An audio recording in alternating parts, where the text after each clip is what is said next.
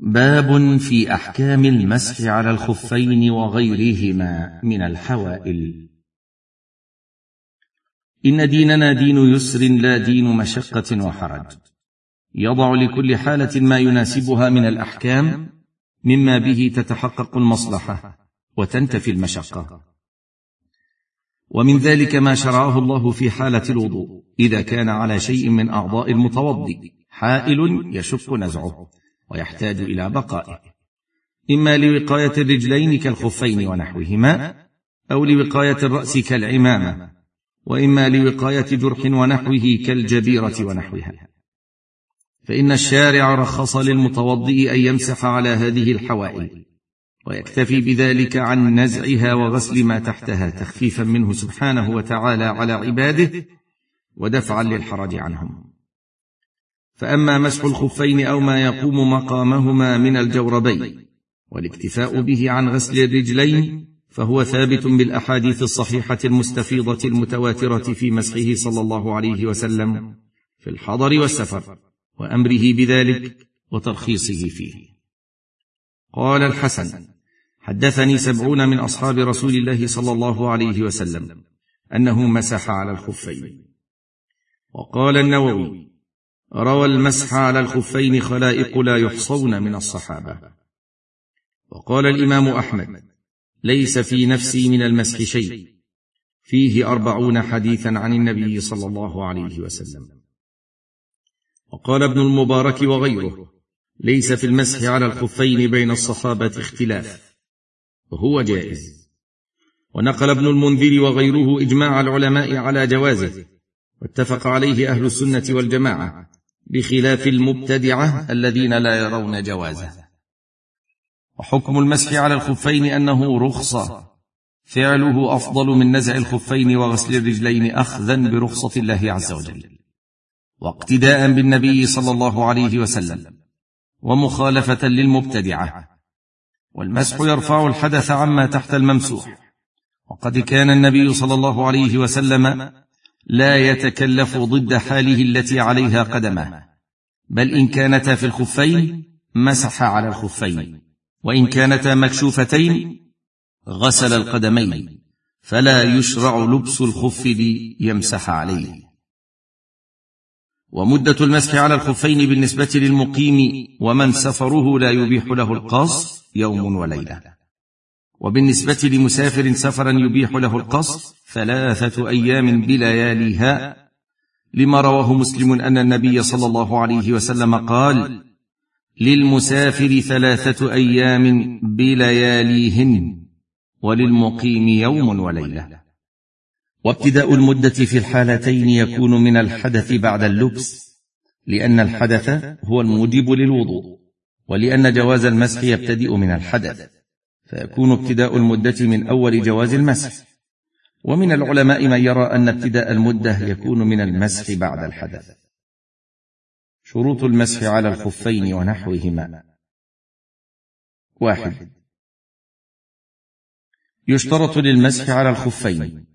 وما يقوم مقامهما من الجوارب ونحوها أن يكون الإنسان حال لبسهما على طهارة من الحدث. لما في الصحيحين وغيرهما.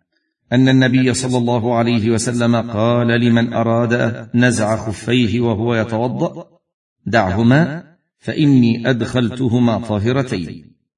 وحديث أمرنا أن نمسح على الخفين إذا نحن أدخلناهما على طهر. وهذا واضح الدلالة على اشتراط الطهارة عند اللبس للخفين. فلو كان حال لبسهما محدثا لم يجز المسح عليهما. اثنان. ويشترط أن يكون الخف ونحوه مباحا فإن كان مغصوبا أو حريرا بالنسبة للرجل لم يجز المسح عليه لأن المحرم لا تستباح به الرخصة.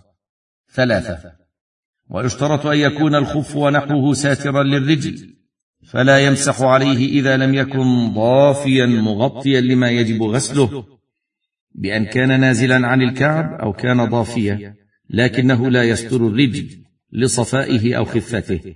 كجورب غير صفيق فلا يمسح على ذلك كله لعدم ستره.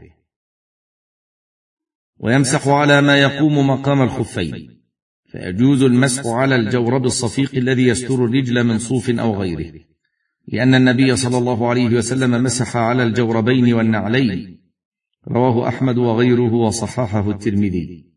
ويستمر المسح عليه إلى تمام المدة دون ما يلبس فوقه من خف أو نعل ونحوه.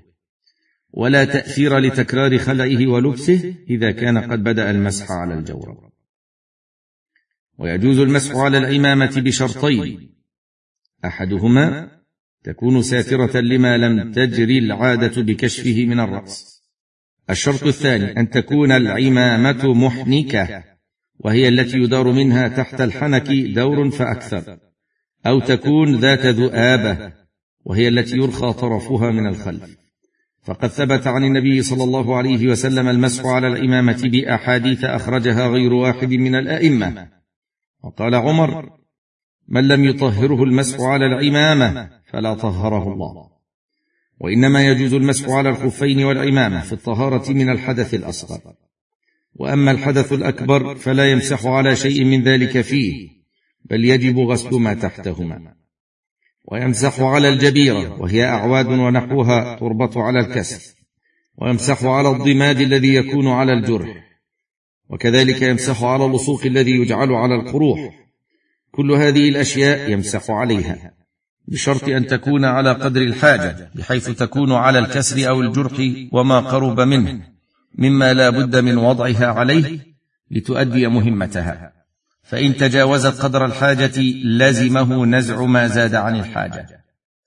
ويجوز المسح على الجبيرة ونحوها في الحدث الأصغر والأكبر وليس للمسح عليها وقت محدد بل يمسح عليها إلى نزعها أو برء ما تحتها لأن مسحها لأجل الضرورة إليها فيتقدر بقدر الضرورة. والدليل على مسح الجبيرة حديث جابر رضي الله عنه قال خرجنا في سفر فأصاب رجلا منا حجر فشجه في رأسه ثم احتلم فسأل أصحابه هل تجدون لي رخصة في التيمم؟ قالوا ما نجد لك رخصة وأنت تقدر على الماء. فاغتسل فمات.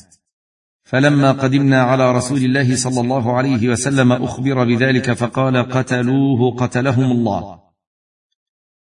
ألا سألوا إذا لم يعلموا؟ فإنما شفاء العي السؤال. إنما كان يكفيه أن يتيمم ويعصب على جرحه خرقة ثم يمسح عليها. رواه أبو داود وابن ماجه. وصححه ابن السكن. محل المسح من هذه الحوائل. يمسح ظاهر الخف والجور ويمسح أكثر العمامه ويختص ذلك بدوائرها ويمسح على جميع الجبيرة. وصفة المسح على الخفين أن يضع أصابع يديه مبلولتين بالماء على أصابع رجليه. ثم يمرهما إلى ساقه. يمسح الرجل اليمنى باليد اليمنى والرجل اليسرى باليد اليسرى. ويفرج أصابعه إذا مسح ولا يكرر المسح. وفقنا الله جميعا للعلم النافع والعمل الصالح.